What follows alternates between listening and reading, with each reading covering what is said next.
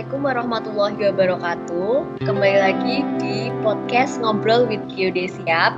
Kali ini kita kedatangan tamu temanku juga seangkatan yang kita nih lumayan deket karena rumah kita deket sama-sama orang Semarang dan uh, si tamu kita yang satu ini juga punya banyak pengalaman dan uh, banyak banget kalau ngobrol sama dia tuh dapat banyak insight gitu dan untuk episode kali ini kita bakal ngobrolin tentang women empowerment. Jadi kita akan ngobrol-ngobrol seputar perempuan. Oke, supaya kalian gak penasaran lagi, mari kita undang bintang tamu episode kali ini. Selamat datang ya. Selamat datang ya. Yeay. teman-teman ini teman aku seangkatan ya uh, karena tadi aku udah opening ya sekarang uh, sebelum memulai podcastnya kita kenalan dulu sama bintang tamu episode kali ini. Silahkan. Mungkin bisa cerita-cerita juga tentang masa kecilnya terus hobinya apa asalnya dari mana. Sebenarnya tadi aku udah sebut tapi kamu bisa kenalan lagi. Silahkan. Oke, halo teman-temannya Wening di channel Wening uh, sebenarnya kenalin nama aku dia Janin biasa dipanggil dia uh, kebetulan domisili di Semarang dan menghabiskan 22 tahun di Semarang juga jadi SD SMP SMA dan kebetulan kuliahnya juga di Semarang di Undip. Jadi benar-benar kayak uh, udah mengenal Semarang banget. Udah sih itu aja nih perkenalan dari aku uh, hobinya apa dia? Uh, untuk sekarang baca buku ya, baca buku. Lagi suka baca buku banget, ketagihan.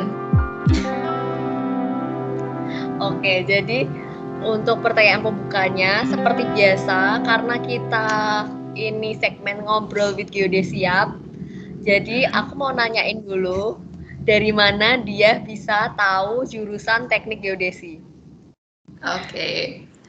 Uh, dari mana aku tahu jurusan geodet teknik geodesi itu ceritanya waktu SMA itu sebenarnya aku dulu waktu SMA itu ketemu sama guru PPL geografi waktu aku SMP dan kebetulan gurunya itu tuh kayak temen temen uh, temen komunitasnya masku. Jadi kayak ketemuan di rumah gitu kan. Terus uh, apa namanya ngobrol-ngobrol-ngobrol terus kayak aku juga konsultasi kayak eh ditanyain ditanyain ditanyain sama dia kayak kamu nanti kuliah mau ke mana? kayak gitu-gitu.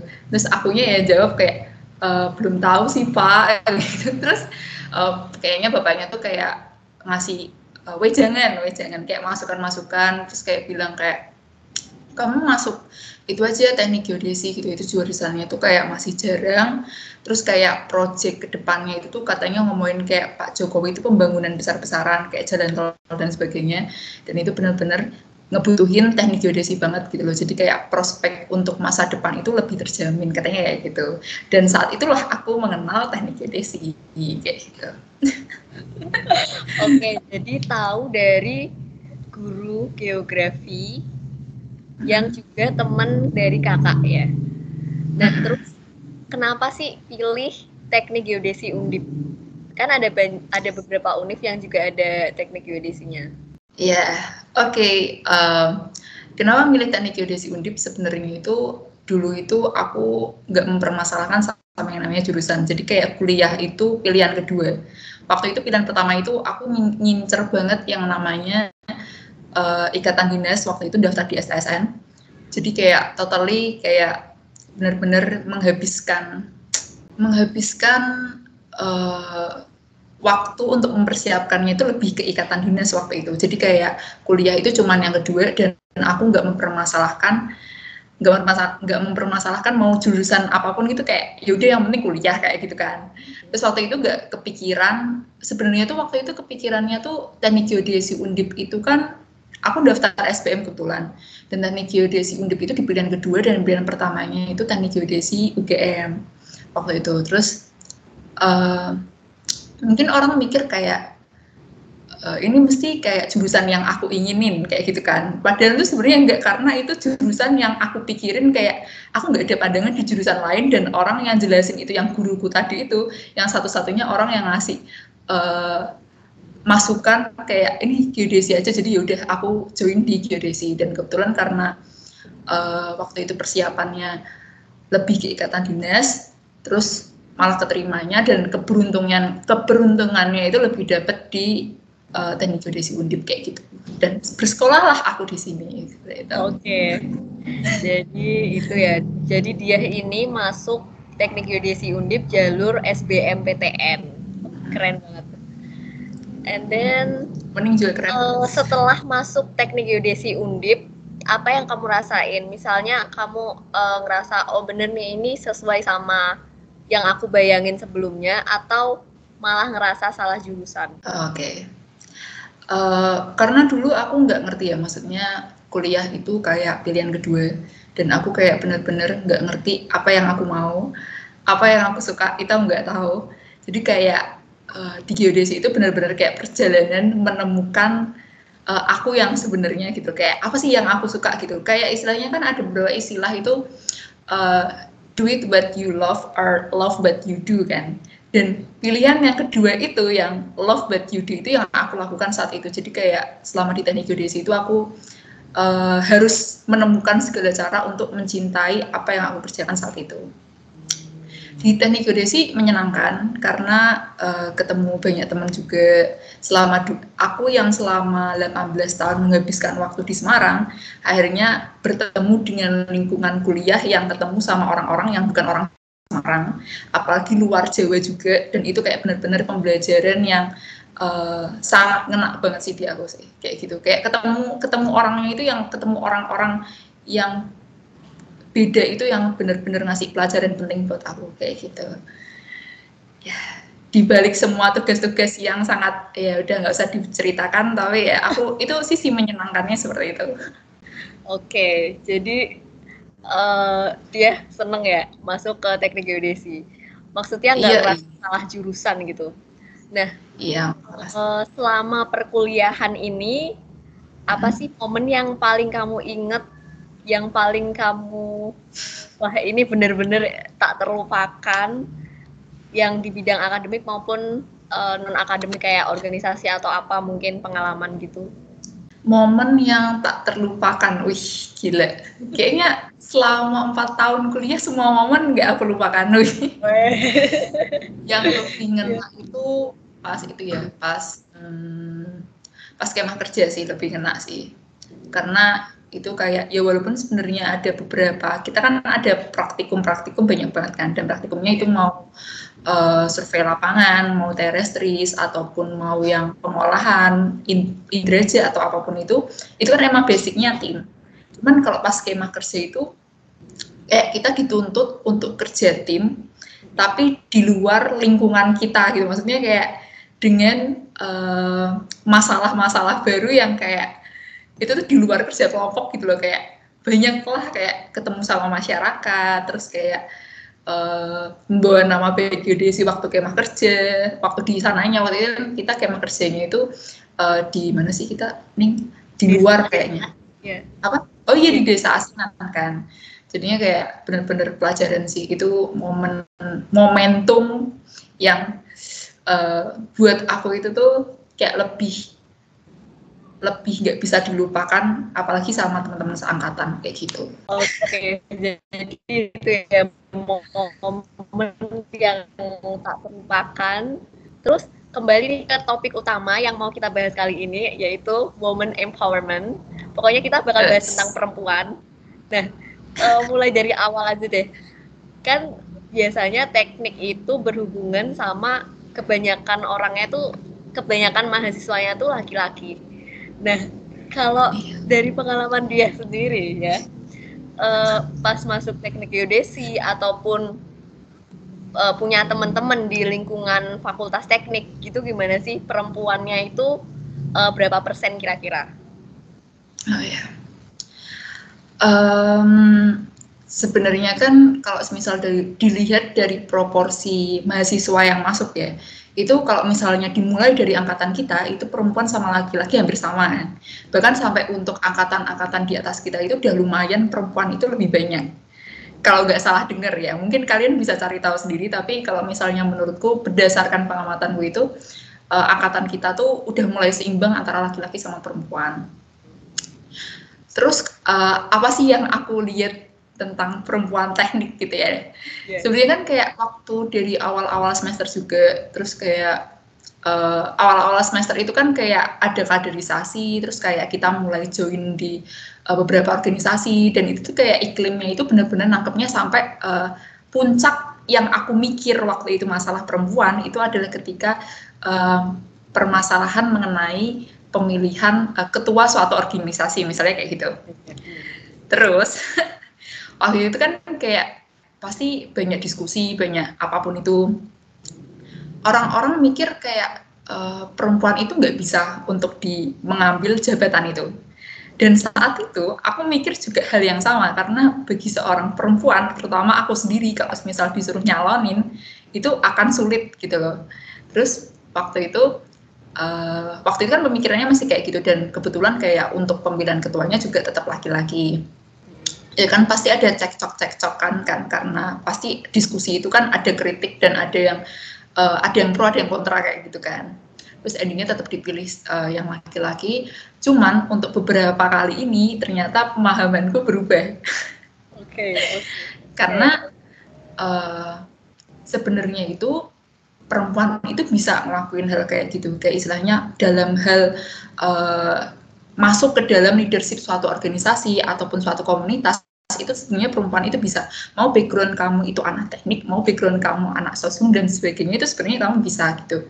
Apalagi kan kayak waktu itu uh, aku dapat beberapa beberapa eh, kata-kata uh, bijak ya dari zaman dulu kayak uh, kita nggak bisa menghakimi masa lalu kita dengan kebijaksanaan yang kita punya sekarang gitu loh. Jadi kayak aku nggak bisa nyalahin pemikiranku yang dulu waktu aku berpikir bahwa perempuan itu nggak bisa memimpin, tapi yang bisa aku lakukan sekarang itu adalah memberikan, uh, memberdayakan ataupun uh, memberikan penjelasan kepada para perempuan, terutama mungkin adik-adik perempuan kita yang di jurusan, terutama jurusan geodesi ataupun anak-anak teknik perempuan, kalau misal uh, kita tuh bisa masuk uh, sebagai leader leader dalam suatu komunitas ataupun organisasi mau kamu itu anak teknik anak apa pun itu. Jadi kayak kita punya kesempatan yang sama dengan laki-laki dan yang terpenting itu uh, kualitas kita itu nggak ditentukan berdasarkan gender gitu loh. Kayak kredibilitas kita itu ditentukan dari uh, seberapa usaha keras kita kerja keras kita dalam mencapai tujuan kita baik itu dalam suatu organisasi, komunitas ataupun hal-hal yang lain sebagainya kayak gitu sih ini. Yeah. Itu kayak momentum puncak kayak aku akhirnya mikir kayak gitu gitu loh. Oke, okay. jadi itu ini sebenarnya sama ya, hampir mirip kayak yang aku pikirin dulu jadi sebelum masuk teknik itu aku juga mikirnya aduh nanti temennya cowok semua. Nanti aku perempuan sendiri gimana? Maksudnya cuma berlima atau beberapa orang yang perempuan. Tapi ternyata setelah masuk di teknik geodesi undip ini temen perempuanku banyak hampir 50% angkatan kita itu perempuan. Jadi kayak aku merasa wah berarti ini udah gimana ya udah mulai banyak perempuan yang sadar kalau dirinya itu juga bisa gitu loh uh, masuk ke dunia yang dianggap laki-laki ya kan? Kayak teknik itu kan uh, identiknya sama laki-laki biasanya. Terus kalau misalnya dilihat dari dosen dosen kita itu tuh sebenarnya kelihatan banget ya. Maksudnya antara dulu dan sekarang itu beda perempuannya tuh kayak lebih bisa lebih banyak sekarang yang berkecimpung daripada dulu. Jadi kalau di dosen teknik geodesi undip itu cuma selama aku kuliah ya selama kita kuliah itu cuma ada dua dosen perempuan. Yang lainnya tuh laki-laki semua. Iya kan dia? Iya benar banget. Iya gitu. Terus menurutmu perempuan itu tadi kan kalau untuk masalah uh, kepemimpinan gitu kan udah jelas bisa ya. Kalau misalnya perempuan itu tuh di dunia kerja, eh, di dunia kerja. Itu tuh banyak banget kayak apalagi kita kan di teknik ya, otomatis uh, pekerjaan lapangan teknik geodesi itu banyak pekerjaan lapangan. Dan yeah. biasanya tuh ada kayak uh, requirement syaratnya itu laki-laki mm. ya kan nah gimana menurut pandanganmu menanggapi itu maksudnya perempuan yang uh, seharusnya tuh bisa buat kerja lapangan tapi banyak orang yang meragukan mm. Oke, okay, um, apalagi terutama kayak teknik geodesi kan yang survei lapangan gitu-gitu ya. Baik. Karena aku bilang awal uh, kayak perempuan itu punya kesempatan yang sama dengan laki-laki, itu artinya uh, dalam hal masalah survei lapangan itu perempuan juga bisa sebenarnya. Cuman balik lagi kan istilahnya tiap perusahaan itu punya kebijakan yang beda-beda kan, dan uh, mereka mereka memahaminya itu kan sebenarnya tergantung sama visi misi setiap perusahaan ya. Mereka memahaminya bahwa untuk survei lapangan itu lebih ke laki-laki karena laki-laki bisa yang ke mana aja ataupun sebagainya gitu. Tapi belum ada kesempatan yang muncul untuk perempuan menunjukkan bahwa sebenarnya mereka juga bisa uh, untuk survei lapangan. Cuman uh, pertanyaan yang lebih ya nih, pertanyaan yang lebih uh, lebih terkait untuk hal ini adalah kadang perempuan itu lebih mikir, misal gini kita emang bisa ikut survei lapangan gitu loh. Maksudnya kita emang bisa ikut kerja survei lapangan, tapi apakah pekerjaan itu itu uh, akan berlangsung lebih lama? Maksudnya untuk jangka jangka panjang itu bisa apa enggak? Karena uh, endingnya kan perempuan identik sama yang namanya ya kita berkeluarga, terus kayak uh, ngurusin anak, terus kayak uh, cuti melahirkan dan sebagainya gitu kan. Oke, uh, sebenarnya kan orang itu selalu berpikir bahwa uh, mereka selalu membedakan dalam hal terutama perempuan itu kayak kamu mau memilih kerja atau memilih keluarga kayak gitu kan Iya, betul. Kalau menurut uh, pribadiku gitu, uh, kerja ataupun keluarga itu bukan pilihan, tapi kita harus bisa ngelakuin keduanya. Jadi kayak uh, profesi sama masa, masalah profesi sama personal itu bisa kita lakuin keduanya selama kita bisa meniti keseimbangan di antara kedua pekerjaan tersebut. Jadi dengan usaha keras, dengan bekerja keras untuk mencapai tujuan kita, kita bisa mencapai kese keseimbangan di antara kedua tersebut, baik itu masalah profesi ataupun masalah personal, masalah keluarga nanti gitu. Dan hal itu seharusnya uh, didukung oleh setiap perusahaan, terutama perusahaan-perusahaan basicnya uh, teknikal ya, maksudnya engineering kayak gitu-gitu yang uh, berkaitan dengan jurusan kita juga. Terus juga um, kalau menurut aku bagi seorang perempuan itu itu enggak masalah aku kalau misalnya ngomong sama perempuan mungkin ini kalau misalnya ada perempuan yang sebenarnya minat masalah survei lapangan tapi kalian uh, masih gak yakin kayak bisa gak sih ini tuh jadi kayak pekerjaan jangka panjang bagi kita sebagai seorang perempuan? Kalau menurut aku kayak selama kamu tahu tujuan kamu selama kamu tahu kalau itu passion kamu selama kamu tahu kalau misal uh, itu hal yang kamu mau lakuin aja gitu. Just be best version of yourself. Terus kamu usaha keras tentuin tujuan kamu dan seimbangin antara keluarga sama profesi kamu gitu. karena masalah personal itu kan juga bukan cuma masalah keluarga kan kayak istilahnya mungkin sama pribadi diri sendiri ataupun sama orang tua juga bisa dan uh, kalau bisa juga keberuntungannya adalah ketika kamu bisa menemukan perusahaan yang uh, memberikan persyaratan itu kayak misalnya membuka kesempatan yang sama dan jelas buat kita sebagai perempuan untuk melaksanakan hal tersebut. Cuman emang gitu sih nih kalau misal uh, pandanganku ke perusahaan yang sekarang itu yang ada di Indonesia emang uh, mengenai lapangan itu emang kayak masih kebanyakan laki-laki gitu. Kayak masih jarang yang kayak perempuan itu jarang bahkan nggak cuma masalah di lapangan ya kayak beberapa uh, semisal dalam hal manajemen akuntansi semisal uh, sales itu masih kebanyakan yang dicari laki-laki, perempuan masih kayak kurang atau benar itu berdasarkan pengamatan gue ya. Terus makanya kayak uh, tapi juga gak menutup kemungkinan ada beberapa perusahaan yang udah membuka uh, opportunity tersebut gitu loh. Jadi kayak uh, perempuan sama laki-laki itu berada pada uh, tingkat kesetaraan yang sama, mereka diberi kesempatan yang sama.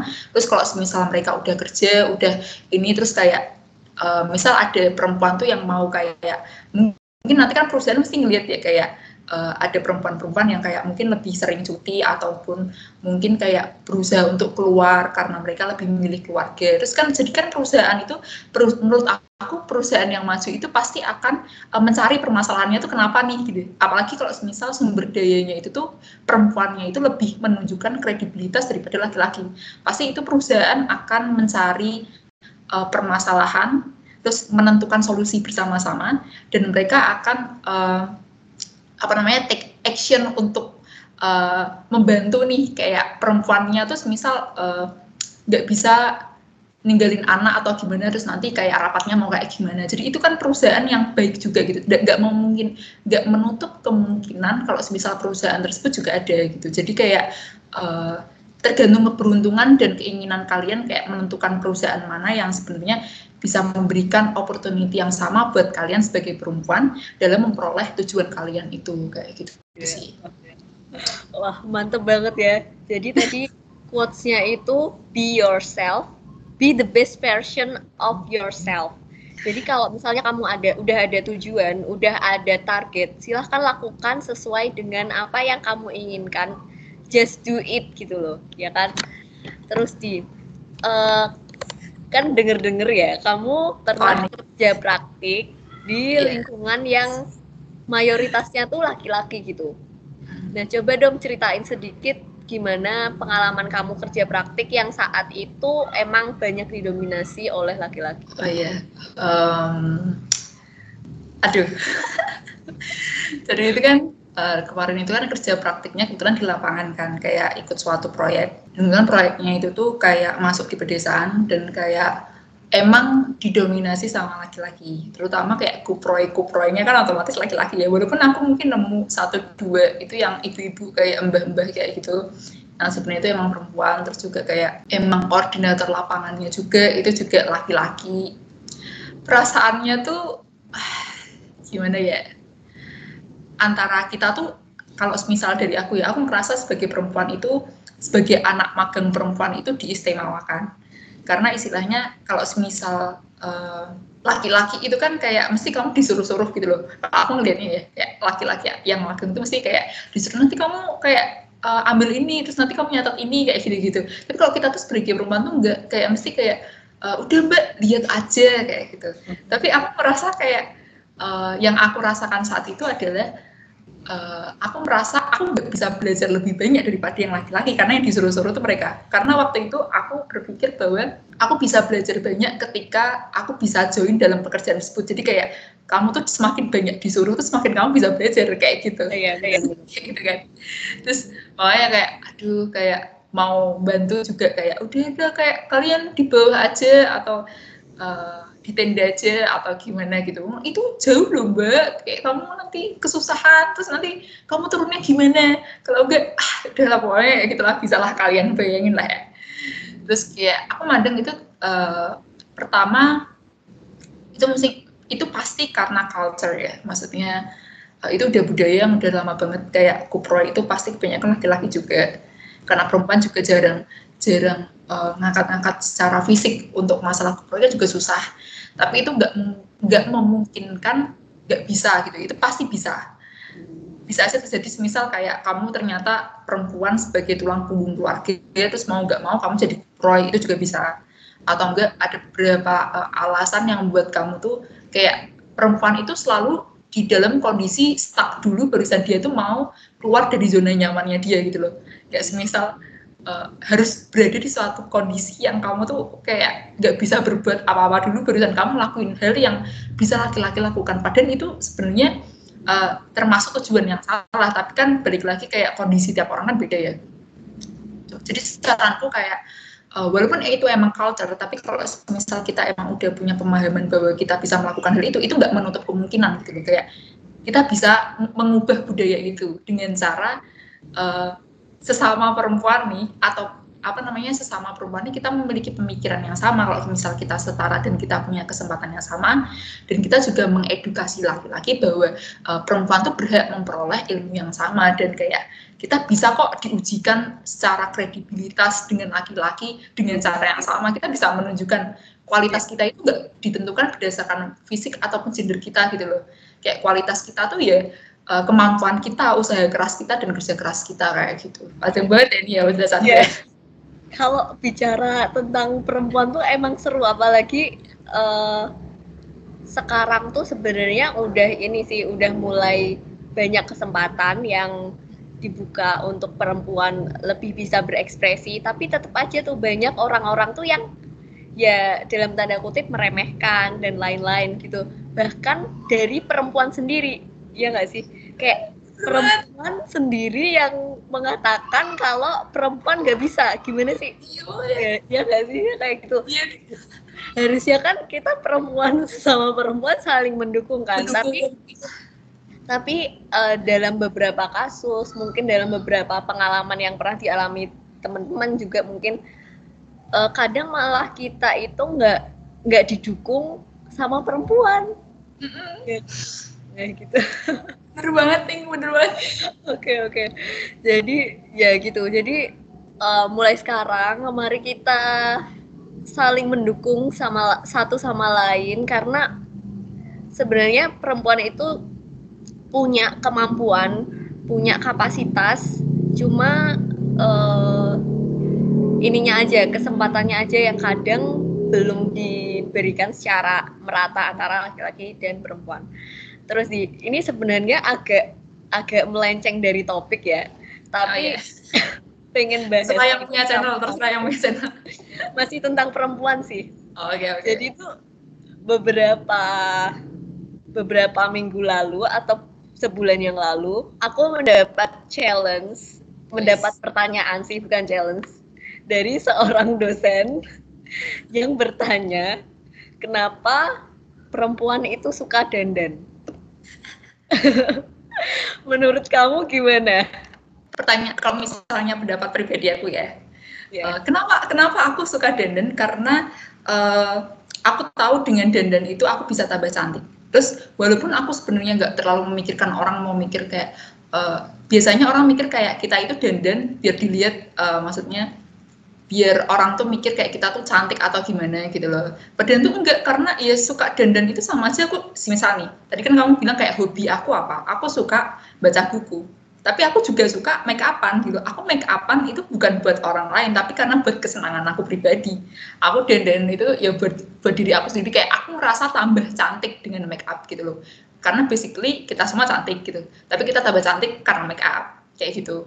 Terus kayak ya kayak kenapa suka dandan ya emang udah kayak apa ya? Ya emang suka suka aja sih kayak tanpa alasan without reason kayak udah suka aja dan aku aku dandan juga bukan buat orang lain tapi buat diri aku sendiri gitu loh. Gitu sih yang penting. Jangan pernah kamu merasa kalau misal uh, tiap orang kan pasti pilihannya beda-beda ya dan pandangan mereka tentang make up itu juga beda-beda. Kalau misal aku uh, punya pandangan make up itu untuk diri aku sendiri tapi juga ada di luar sana orang yang rasa tuh mereka uh, make upan tuh untuk pandangan dari orang lain.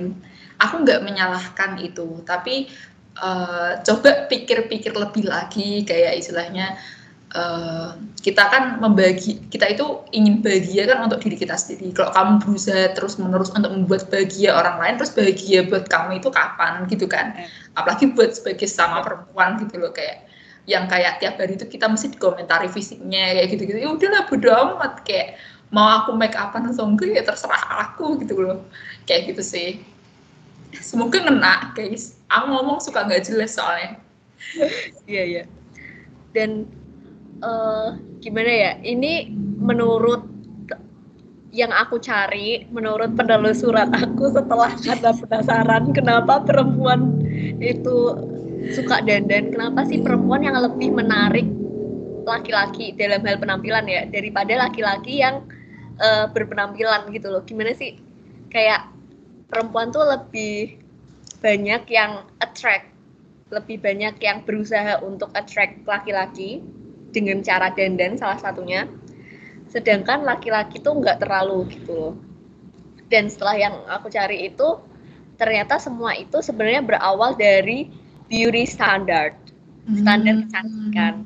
Yang itu sebenarnya kayak uh, ngaruh lagi berkaitan lagi sama yang namanya patriarki. Yes. Ya. Benar jadi, banget. jadi kayak karena patriarki itu kan uh, tingkat tingkat sosial orang tuh dianggap perempuan berada di kelas kedua kan. Jadi yang ber, yang berkuasa itu laki-laki. Dan terus uh, dari sejarah-sejarah dan beberapa hal yang aku baca itu laki-laki yang membuat standar kecantikan gitu loh. Laki-laki yang membuat standar kecantikan untuk perempuan. Dan kebanyakan dan kebanyakan standar kecantikan itu kan karena ideal ya. Maksudnya ya perempuan cantik tuh bagus gitu lah maksudnya ideal jadi nggak semua perempuan itu sempurna sesuai dengan standar kecantikan yang dibikin oleh mereka-mereka itu terus karena perempuan merasa insecure karena merasa kurang merasa kurang ini kurang itu. Jadinya perlu nih kosmetik ataupun hal-hal lain kayak misal pelangsing mungkin atau pemutih bla bla bla. Terus dimasukinlah itu produk-produk kecantikan yang akhirnya yang beli siapa? Perempuan. Nah, jadi jadi kayak beru kayak lama-lama berujung ke bisnis ekonomi dan banyak hal itu yang didasari oleh sosial yang apa apa namanya uh, tadi yang menganggap laki-laki itu berkuasa dan perempuan berada di kelas kedua atau patriarki yang kita sebut. Nah, tapi kalau dari kamu sendiri, di gimana kamu memandang patriarki sama feminisme? Kan uh, kayak kebalikannya patriarki itu feminisme kan? Itu yeah.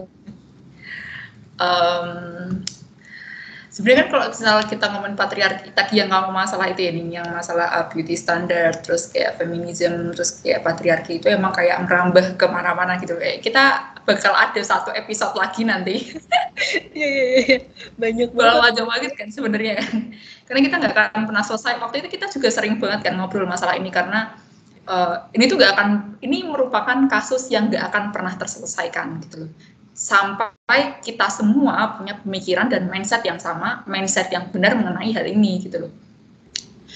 Uh, patriarki sama feminisme itu kan kayak uh, kadang orang mikir kayak patriarki itu kan ketika kita itu nggak berada pada uh, satu standar yang sama gitu misalnya mas satu satu tingkatan yang sama antara perempuan sama laki-laki kan di mana laki-laki itu yang lebih di atas kayak gitu. Terus juga nanti ada beberapa orang yang kurang setuju dengan konsep feminisme, di mana kayak uh, semakin lama itu kayak ya pokoknya kodratnya perempuan itu nggak di atas gitu, tapi ya di bawahnya laki-laki karena mungkin struktur uh, culture-nya dari baik itu culture ataupun agama atau apa pun itu yang menyebab dari bermacam-macam itu yang menyebabkan kita berpikiran seperti itu. Semua hal itu terjadi karena kita merasa uh, uh, ketidakadilan ya di antara ketidakadilan mengenai kesempatan yang bisa kita dapat dalam memperoleh sesuatu. Dan itu yang kayak uh, itu tetap nggak akan maksudnya uh, ketidakadilan tiap orang itu pasti beda-beda juga kan. Makanya itu nggak akan pernah selesai. Dan kadang kalau misal aku mau ngomongin uh, konsep feminisme itu kan sebenarnya uh, woman empowerment kan. Kayak pemberdayaan perempuan dan sebagainya. Bukan berarti kayak bukan berarti uh, kita melakukan woman empowerment tapi dengan merendahkan laki-laki itu baru salah. Tapi woman empowerment itu kita pemberdayaan perempuan, memberikan dan mengarahkan uh, suatu mindset yang benar mengenai perempuan agar mereka itu merasa bahwa mereka itu setara sama laki-laki. Dan pemberdayaan itu yang menyebabkan uh, orang-orang mulai berpikir dan memberikan kesempatan yang sama kepada perempuan untuk uh, memperoleh tujuan mereka kayak gitu kan dan itu kan kayak kadang orang masih uh, nggak cuma itu sih kayak kadang ada orang-orang yang merasa dia feminisme juga dan terutama perempuan tapi mereka malah ternyata juga merendahkan laki-laki yang tadi aku bilang itu. Kayak itu juga salah. Jadi kayak woman empowerment itu nggak cuma pemberdayaan perempuan nggak dengan membandingkan dengan laki-laki tapi juga mengeducate laki-laki bahwa ini loh kita tuh sebenarnya setara, gak ada yang di atas, gak ada yang di bawah, tapi kita setara kayak gitu. Dan kadang konteksnya juga tuh kadang uh, kemarin aku juga dapat insight baru ya masalah feminisme ya. Orang-orang tuh yang di perempuan itu woman empowerment-nya itu konteksnya kayak mereka itu lebih misal nih, semisal kita mau melakukan woman empowerment-nya itu pemberdayaan perempuan itu dengan melakukan uh, coaching-coaching klinik ataupun uh, pembentukan komunitas komunitas, tapi ternyata itu khusus perempuan. Nah, ah, iya. nah waktu itu aku pikir kayak uh, seminar-seminar ataupun uh, komunitas-komunitas coaching klinik yang khusus dengan yang khusus untuk perempuan itu dulu aku merasa itu keren banget serius dulu aku aku mikirnya itu keren tapi semenjak aku dapat insight itu aku mikir kayak uh, kenapa kita itu harus mengkotak-kotakan diri gitu loh kayak istilahnya uh, coaching klinik cuma khusus perempuan, terus kayak seminar khusus perempuan. Padahal kan istilahnya tuh ketika kita nggak mau dikotak-kotakan dengan laki-laki kayak laki-laki sendiri kayak perempuan sendiri, tapi kenapa kita mengkotakkan diri gitu loh? Jadi daripada kita uh, mengkotak-kotakan seperti itu dengan konsep yang salah, kenapa kita nggak membuat seminar mengenai pemberdayaan perempuan tapi yang dihadiri bebas baik itu laki-laki atau perempuan. Daripada kita merendahkan laki-laki dan mencari siapa yang paling tinggi kenapa kita nggak uh, berusaha untuk menciptakan suatu iklim atau suasana yang baik dalam suatu komunitas di mana uh, sama laki-laki perempuan sama laki-laki itu memperoleh kesempatan yang sama. Kayak penciptaan iklim ataupun situasi yang tepat itulah yang sebenarnya kita butuhkan dalam pemberdayaan perempuan gitu. Kayak selain nggak mengkotak-kotakan nggak merendahkan laki-laki uh, berusaha untuk menyetara menyetarakan terus kayak uh, perolehan kesempatan yang sama opportunity yang sama dalam setiap perusahaan atau apa pun itu. Jadi kayak penting gitu loh educate laki-laki itu juga penting tanpa merendahkan laki-laki itu juga penting karena balik lagi kualitas itu nggak ditentukan berdasarkan gender mau kamu gender laki-laki atau perempuan atau nggak jelas itu juga uh, kita tuh bisa menentukan kualitas berdasarkan uh, individu masing-masing tanpa melihat gendernya seperti apa kayak gitu. Oke oke. Nah, jadi perempuan sama laki-laki itu sebenarnya setara dalam hal kemampuan dan uh, kemampuan dan yang banyak kita gaung-gaungkan kali yang sering digaungkan sama feminisme itu lebih ke ini ya apa mencari kesempatan yang sama kesempatan yang sama antara laki-laki dan perempuan. Dan yang benar kayak kan kadang banyak orang yang beranggapan tadi sama yang kayak dibilang dia dia itu mengatakan bahwa dirinya itu feminisme dan dia merendahkan laki-laki. Itu salah besar ya karena sebenarnya uh, woman empowerment yang benar feminisme yang benar itu dia hanya mencari kesetaraan untuk memperoleh kesempatan yang sama supaya kita kita baik laki-laki maupun perempuan tuh bisa bekerja sama sehingga menghasilkan suatu hal atau produk atau uh, output yang bagus, yang maksimal gitu. Hasil kerjasama antara laki-laki dan perempuan, bukan merendahkan atau meninggikan salah satunya gitu kan. Oke. Okay. Bener banget, bener banget. Nah begitu, intinya begitu.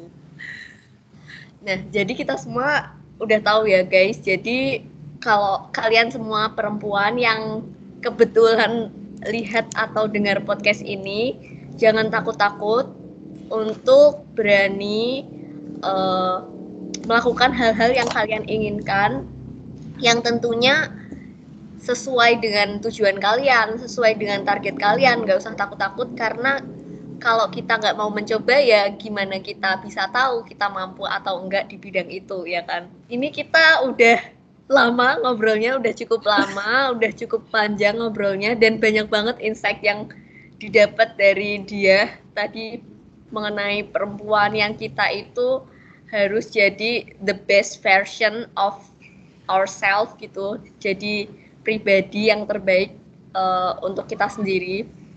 Uh, tanpa kita melihat gender perempuan maupun laki-laki kalian semua bisa menjadi the best version of kalian gitu.